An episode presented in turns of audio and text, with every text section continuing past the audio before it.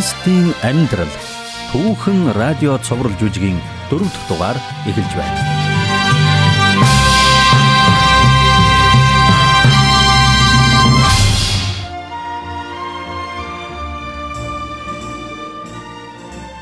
Өнөөдөр та бид хамтдаа Майр Йосеф хоёрын Бэтлехэм хот руу хийсэн аялал мөн хүү Есүс мэндэлсэн тухай сонирхолтой хэсгийг сонсох болно. Одоо Назар хотын нэр хүндтэй мужаан Йосеф бидэнд Бурхны хүү мэндэлсэн тухай сэтгэл хөдлөм түүхийг ярихыг анхааран сонсцгоё.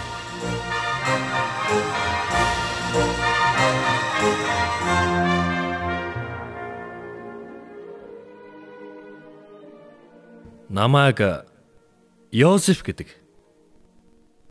Миний аав надад хар багаас маань л ихсүүлж өөрийн мужааны ажилдаа сургаж Би тэр ажилдаа ч дуртай байлаа. Тэгэд би 20 хэдтэйгээсээ би дан амжилттай ажиллаж эхэлсэн. Би зөвхөн ажилдаа л бүх цаг хүчээ зарцуулдаг байлаа.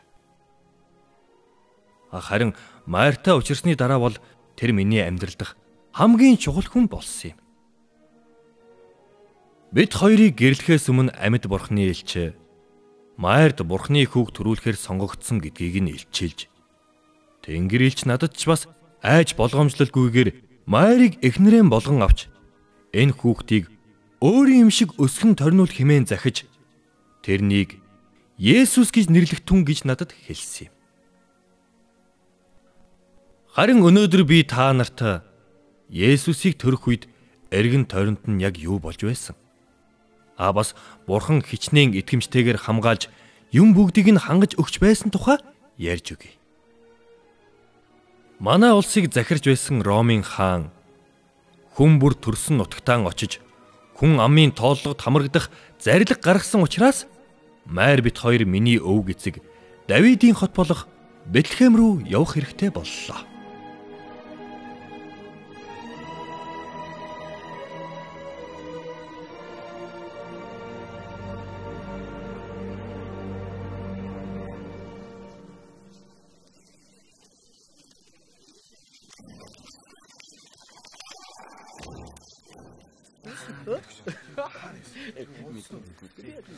Өршөөгөр ирхмээ.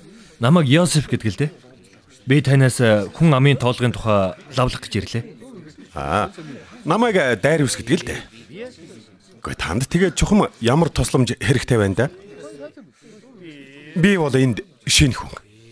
А гэхдээ мэдхгүй зүйл байвал мэд хүнийг олоод өгч тусалж болох юм аа.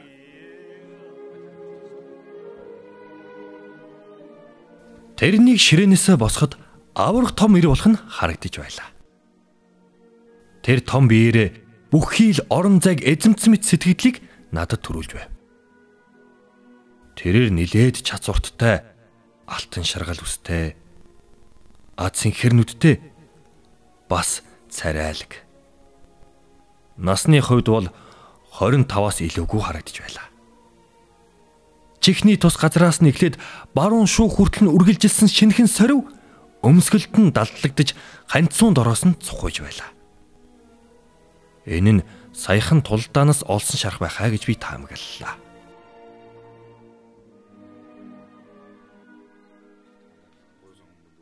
Гүй эрхмээ ингэд та юу мэдхийг хүсэв? Уучлаарай эрхмээ. Би сүүлийн үед нэлээд завгүй байсан болохоор тоолгын тухай дуулаагүй өнгөрч гэж Тэгээд тоолго дуусахад 2хан 7 хоног дутуу байна гэж сонслоо. Хэрвээ энэ хугацаанд амжихгүй бол би ямар нэгэн торгуул хүлээх болов? Тийм ээ. Мэдээж тэгэлгүй яах вэ? Эхнэр маань хөл хүндтэй. Тэгээд ч бас төрхөн тун ойртчихсон 2 7 хоногоос хэтрэхгүй гэсэн л дээ. Бид хоёр хоёлаа Бэтлехемих болохоор бүртгүүлэхэд заавалчгүй гэр бүлэрээ хамт очих шаардлагатай юм болов? За за. Таны асуудлыг би ойлголоо. Би танд асуугаад өгье л дээ. Та хэсгэн хүлээж байгаарай. Хэдийгээр би цөөн хитгэн удаал Ромын эрх мэдлэлтнүүдтэй уулзч байсан ч гэсэн тэдэн дунд энэ залуухан цэрэг шиг ээлдэг хүн байсангүй. Гэхдээ бас бусад хүмүүсийн ярьдаг шиг тийм ч муу байгаагүй. Харин төд удалгүй тэрээр харамссан царайтай эргэж орж ирлээ.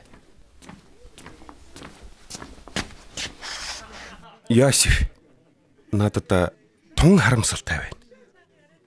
Ромын гаргасан тогтоолыг дагахгүй бол хүн хүсээд баймгүй тийм шийтгэл хүлээх юм байна шүү дээ. Та Бэтлехэм рүү эхнэрээ аваад явхаас өөр ямар ч арга үлдэхгүй нэ гэж би имэж байна.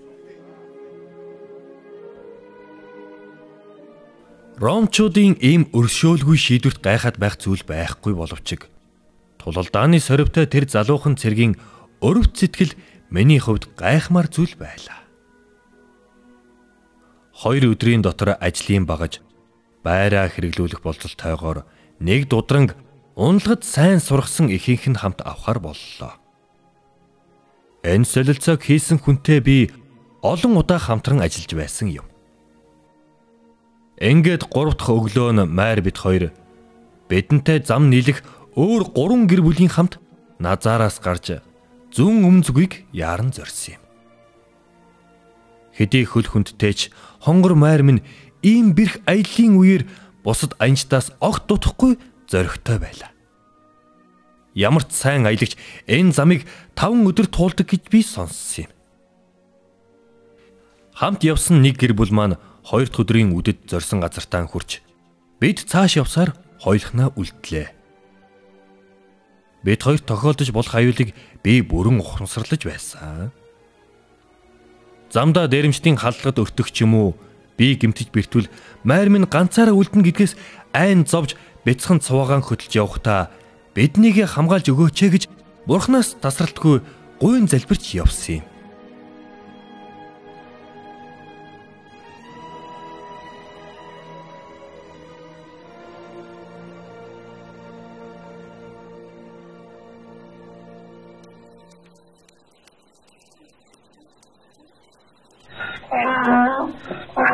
Маар хайрт минь.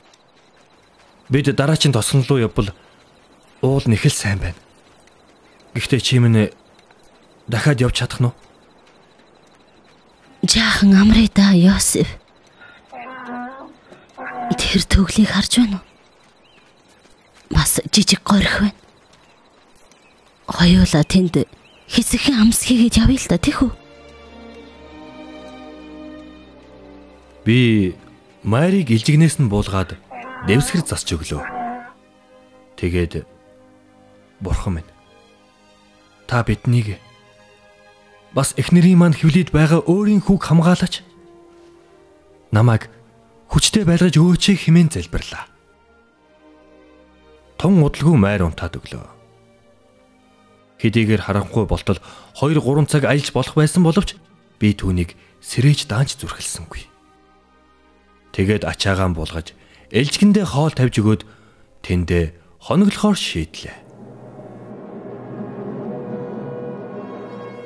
Бид оройн хоолоо хийхээр бэлдэж байтал шугуугаас морины туураа тачигнах чимээ гинт гарахт нь би айц давтагдан биеэ чангалж уламж сонор болж аялал зориулан худалдаж авсан сэлмээ сугалж бэлдлээ. Тэгтэл Назарын цэргийн хуаранд уулзж байсан Нөгөө авраг том битэр ром цэргийг энэн сэлсэр ойртон эрхийг хараад миний хамаг айц замархан одлоо. Йох, Дариус. Би танаас ямар их хайваа. Ингээд та энд юу хийж байгаа юм бэ? Уучлаарай Ясив. Айлгсан бол намайг өршөөгөөрэй. Би та хоёрыг шөнө болохоос өмнө гүйцэж очих гэж яраад л. Гүн ингээд Та их нэртэйгээ хоёулахтаа аялаж байгаа юм уу? Хавд явж явсан хүмүүс маань Иерусалим Бэтлехэм орохгүй байсныг нь би мдээгүй юм байна л да. Тийм болохоор л надад та хоёрыг хурдан олох хэрэгтэй гэж санагдаад байсан байх л да. Гэхдээ та хоёртай хамт явбал дор гүцэхгүй. Би Бэтлехемийн цэргийн ангид хуваарлагдсан юм л да. Юу гэж дор гүцвдээ Дариус. Би ямар баяртай байна гэж миний бүр сэтгэл санаа бүр амарч орхлоо.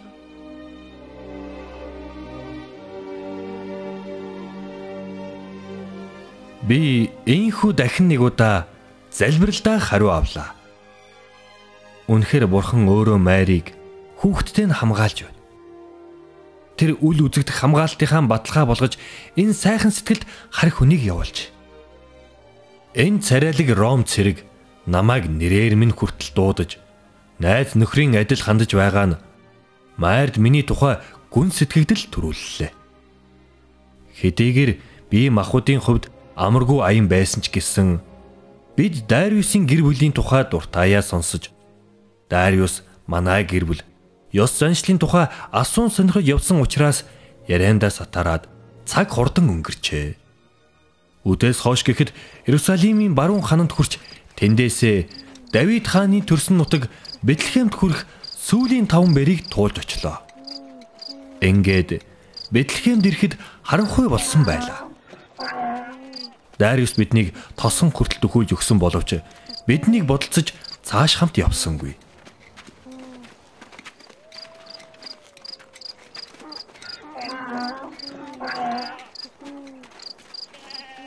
Дариус би чамд маш их баярлалаа. Би чамтай дахин уулзалтын төлөө үргэлж залбирч байна. Чиний ачиг яаж хариулъя дааваз.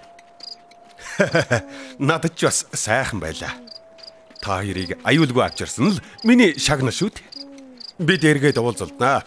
Гэхдээ эр хүний замын хүзүү урт гэдэг баха. За за. Аян замдаа сайн явцгаагаарай. Баяртай. Баяртай.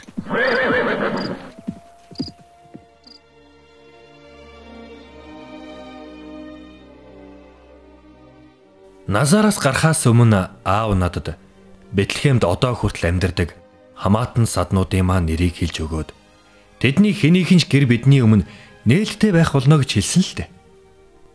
Гэвч бид назараас яарч гарсан болохоор тэдэнд мэдээ өгөх боломж байсангүй. Одоо энэ жижиг тосхон хүний хөлд дарагдсан байлаа. Бид хоёр урд нь огт уулзаж байгаагүй хамаатнууд дээрээ очисон боловч тэд биднийг хүлээж авах боломжгүй байлаа. Бүр тэрч бүхэл дэм буудлууд хүртэл хөл гიშгэх зайгүй болсон байлаа.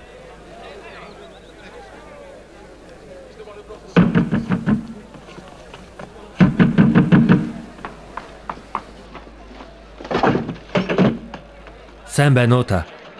Өө, сайн байна уу хүүхэ? Би Назарт байдаг таны дүүгийн хүү Йозеф байна. Энэ бол миний эхнэр Майр. Тэр маань өнөө маргаашгүй төрөх болчиход байдаг. Тэгээд аав маань таныг туснаа гэж надад хэлсэн юм л да. Аа, их чин Майр та хоёрыгоо гэртээ хүлээж авч чадахгүй баха да. Сүүлийн 7 хоногт Бэтлехем рүү ирж байгаа хүмүүсээс ихээ өвчин гарч байгаа гэж дуулдсан шүү бас манай гэрээр дүүрэн өвчтөй хүмүүс байгаа. Майрч ийм газар арай хонж болохгүй байхаа та. Надад их харамсалтай байна.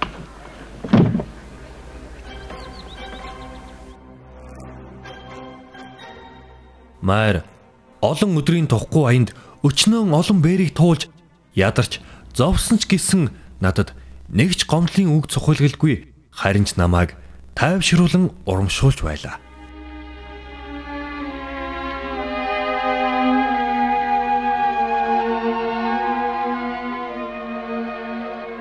Зүгээрээ. Йосеф.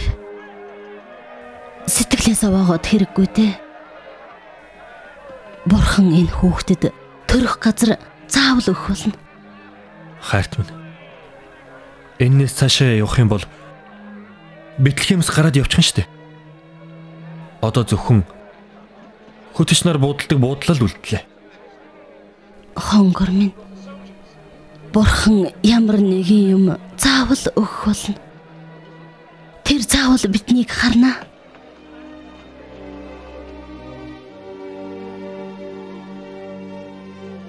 Өөрийгөө зэмлэн буруу шааж гэмших бодол надаас салж өгөхгүй зовоож байлаа.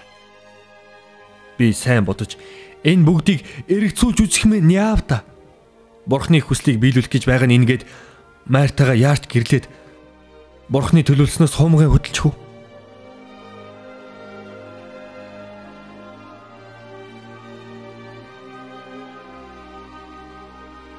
Бид одоо хамгийн сүүлийн дэм будал дээр ирлээ. Маар өөрөө зүтгээгүйсэн бол түүндээ сонгож өгөхөөргүй тийм л газар байлаа. Энэ л бидний эцсийн найдлага байсан юм. Йосеф.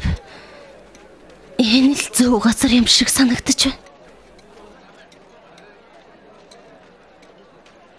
Гэтэл би дэм буудлын эзний ая занг хараад мар шиг итгэлтэй байж чадсангүй.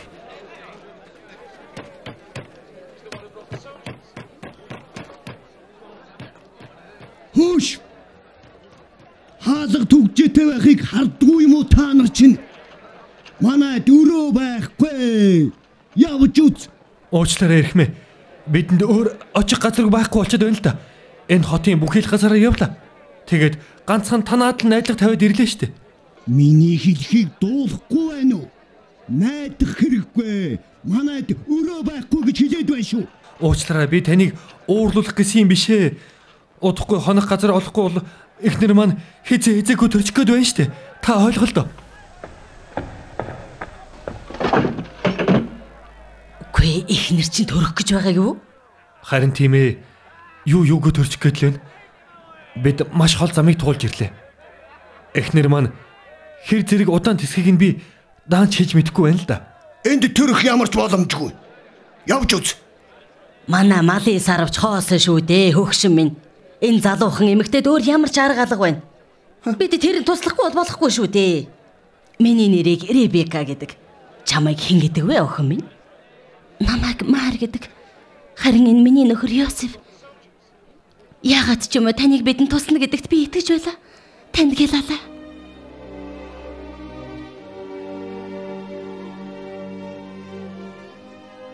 Бүх зүйл маш хурдан болж өрнөлөө. Дэм буудлын эзний эхнэр бүхнийг зохицуулахаар зэхлээ. Тэрээр хүүгээ дуудаж малын сарвчийг бэлдэх заавар өгч удалгүй чулуун сарвч аян замд ядарсан эхнэрийн маань амарчих газар боллоо. Намайг элжигнүүдээ ойролцоо хашаанд авчичхий гэсний дагуу би явж Ребека эх барих хоёр хүн авчруулахаар хүн явууллаа. Тэгээд намайг гадаа хүлээж бай гэж шаардангуй хэлсэн учраас би энэ эмэгтэйчүүд эхнэрийг минь сайн халамжилнаа гэдэгт найдан тэндээс дуртай дургүй гарлаа. Би толгод дээр гарч том чулуун алан малын сарвчны үдийг хард сув. Би минь жаахан чадахгүй амс хийлээ. Тэндээс Бэтлехэм элхэн харагдах ажээ. Мөн Бэтлехемийн нөгөө захад хоноо хариулж байгаа хончид харагдж байлаа. Удалгүй Маригийн хашгирах дуу дуулдаж түүний дараа шин төрсөн хүүхэд час хийн уйллаа. Би Маригийн дэргэд очихоор огт үсрэн боссон ч дуутахаас нааш орж иж болохгүй гэсэн Ребекагийн заврыг санаж дахин хад налан суулаа. Үүний дараа болсон үйл явдал таны хувьд итгэхэд бэрх байж болох юм. Төрөний хончтын дээрээс Тэнгэрээс хурц гэрэл гэрэлтлээ. Эхлээд би тэр гэрлийг тэдний асаасан галын дөлөөс гарч байна да гэж бодсон боловч тэр гэрэл үнэхээр Тэнгэрээс гэрэлдэж байсан юм. Гэнэт би ямар ч яруу найрагчийн үгээр дүрсэлж чадамгүй тийм сайхан аялгауг сонслоо зөөлөн салхи тэрхүү аялгауг Бэтлехемээр тархааж байх шиг санагдав. Гэнэт Тэнгэр элч нарын дуу хоолойн дундуур нэгэн хөнгөнсөн хоолой ярьж эхлэх нь тэр. Хэдийгээр надад ярьж байгаа зүйл нь сонсдоогүйч тэрвхэн үед намайг ямар нэгэн оршихуй нүмерэн авч би амар тайвнаар дүүрлээ. Яг энэ үед Ребека сарвчнаас гарч ирээд намайг дуутлаа.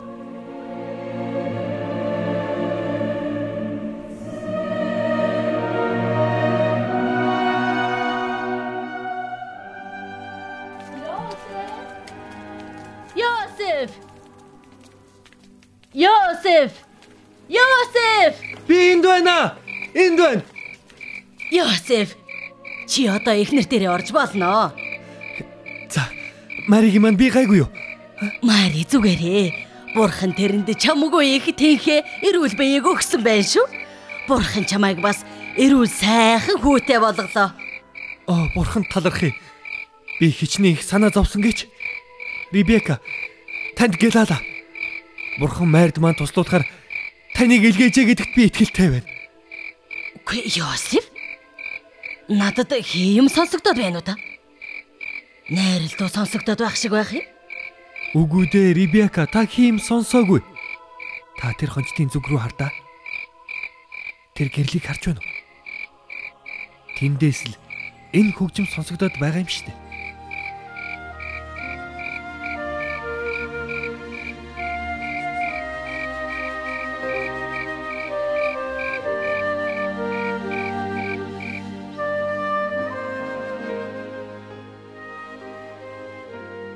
Ребека их баригчдын хамт яаран гарч одхон тэрэ. Магадгүй тэд ч бас тэр хөгжмийн эгшигт ойрхон очиж сонсохыг хүссэн байх л да. Харин миний хувьд гэвэл хүүхэд майр хоёртол ойрхон баймар байлаа. Гэтэл надад Тэнгэр элчийн тэрнийг Есүс хэмээн нэрлэл гэж хэлсэн нь санаанд орлоо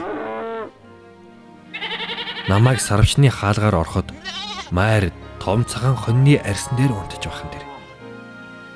Бяцхан хүү Есүсийг өлгийдэж түүний зүүн талд нь тавьжээ.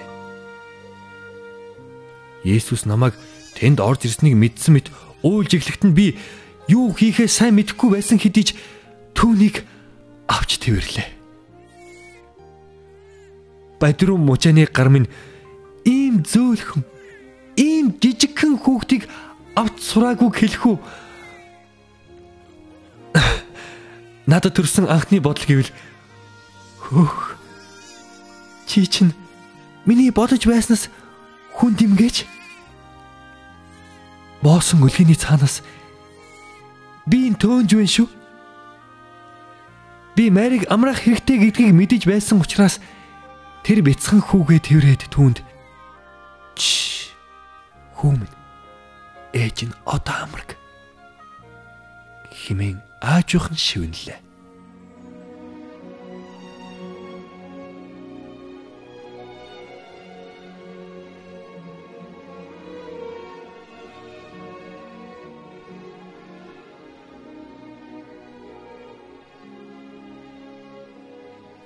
Тэгээд түрүүний амарч байсан чулуун дээрээ очиход нөгөө гэрэл харагдхаан болж Тэнгэрлэг аяч зогсжээ. Хүүмэн сэрүүн байсан хэдий ч уйлсангүй. Саран орчныг гээгүүлж түүнийг минь хүндлэн байх шиг санагдлаа. Бурхны хүүгийн царайг хард суухад зүнч Микагийн хэлсэн. Харин чиний хувьд Бэтлехэм Эфрата Хэдийгээр чи Юдагийн бүлүүдийн дунд өчүүхэн авчиг миний төлөө Израилийг захирах нэгэн чамаас гарах болно гэсэн үг санаанд буу. Би энэ сайхан ивэлийг хараад Бурхны төлөвлөсөн цагаас төрүүлж хөдөлжээ гэдэг айдас мань оргүй ариллаа. Бяцхан Есүсийг ингэртэй нааж түүний зөөлхөн зулайг илэнгээ. Бурханд үнэхээр талархан түүний хүүг дахин дахин багтан харж байв. Удалгүй хүүг тэрч дасаад түүнийг энгэртэй наан бяцхан нурууг нь иллээ. Би бурханд хандан талархаж хүүг гайхан багтах сэтгэлээр дүүрч байсан.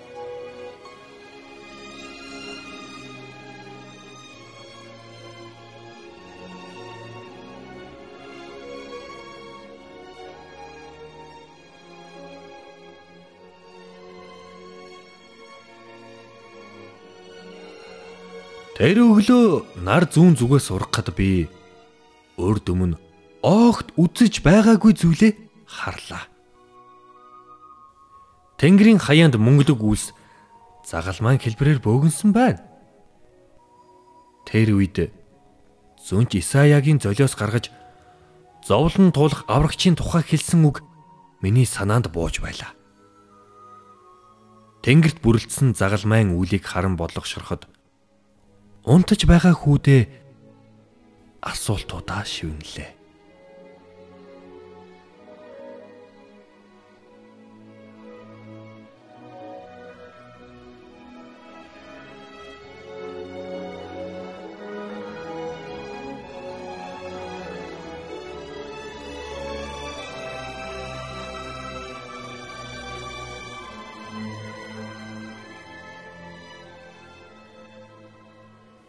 Майрын хүүхэд. Бурхны хүү минь ээ. Чи миний гим нүглийн төлөө нас барахын тулд түрүү. Таны зүнч Исая зовж тарчлан үхэх аврагчийн тухай хэлдэг тэр золиос чи мөн үү? Энэ малын сарвчин төрөх болсныг тань би одоо л ойлголоо. Тахлын хургнууд энд төрдөг штэ. Бяцхан хүн. Чамайг нэг л өдөр хүн төрлөختний авралын төлөөсийг төлөхөөр нас барна гэдгийг чинь ээж чинь ухаарч байгаа болов.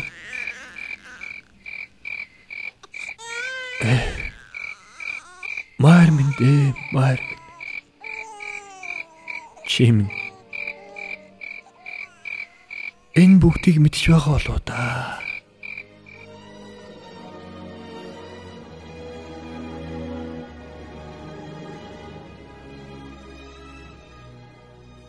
Ингээд хадан чулууны дэргэд Есүсийг тэрвэрч байхдаа Бурханд би өөрийгөө өргөсөн юм. Би тэрэнд хүүхэд нь хайрлан өсгөх болно гэдгийг хэлсэн. Бурхны хүслийг эсэргүүцэлгүй тэрний бүхий л тушаалуудыг нь дагаж Есүсийн амьдралд зориулсан Бурхны төлөвлөгөө миний хувьд хичнээн хэцүү байсан ч саад болохгүй гэдгийг би Бурханд амласан юм.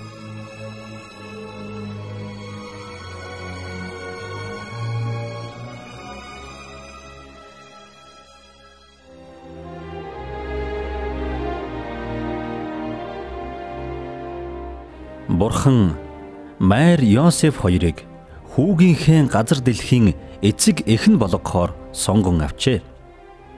Ийм зүйлийн төлөө сонгогдно гэдэг нь үнэхээр ерөөлтэй бөгөөд нэр төрийн хэрэг төдийгүй Бурхан тэдэнд ямар их итгэснийг илтгэж байгаа юм. Тэднээс мөн золиос шаардагдсан боловч тэд Есүсийг бидний аврагч болгох Бурханы төлөвлөгөөнд оролцсон юм а. Тэгвэл бид Бурханд хэр олон удаа бууж өгдөг вэ? Түүнд ер нь хэрэг итгэдэг вэ? Тэр бидэнд хэрэг найдаж болох вэ? Харин Бурхан Есүсийг аврагчаа болгосон хүмүүст үргэлж итгэмжтэй байх болно. Сайн, муу, аль ч цагийг ялгалгүй тэр өөрийн итгэмжит хүүхдүүдтэйгээ хамт байх болно. Хэрвээ та Христийн амьдрал төөхөн сурал жүжигийг сонсоод улам илүү ихийг мэдхийг хүсэж байгаа бол дараах хаягаар бидэнтэй холбоо бараарай. Улаанбаатар 20 А Шуудангийн хайрцаг 42 Христийн амьдрал бидэнтэй харилцах утас 46 12 12 Бүтээгч Бурхан эзэн дэлхийн ертөнцийг үнэхээр хайрлсан учраас хүн төрлөختөнд цорын ганц хүүгээ илгээсэн.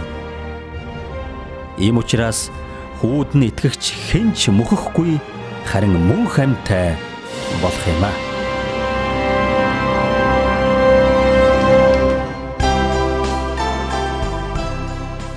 Хоёрын 7 оны Крисмас баярт зориулан Монголын Евангелийн эвсэл Библийн сургалтын нэгдсэн төв гэр бүлийн радио 104.5 хамтран Христийн амьдрал түүхэн радиод суурилж үжгийг танд хүргэлээ. Та энэ жүжигийн үргэлжлэлийг маргааш 13 цагаас харин давталтыг 20 цаг 30 минут шөнийн 3 цагаас энэ долгион дээр бүлээн авч сонсоорой.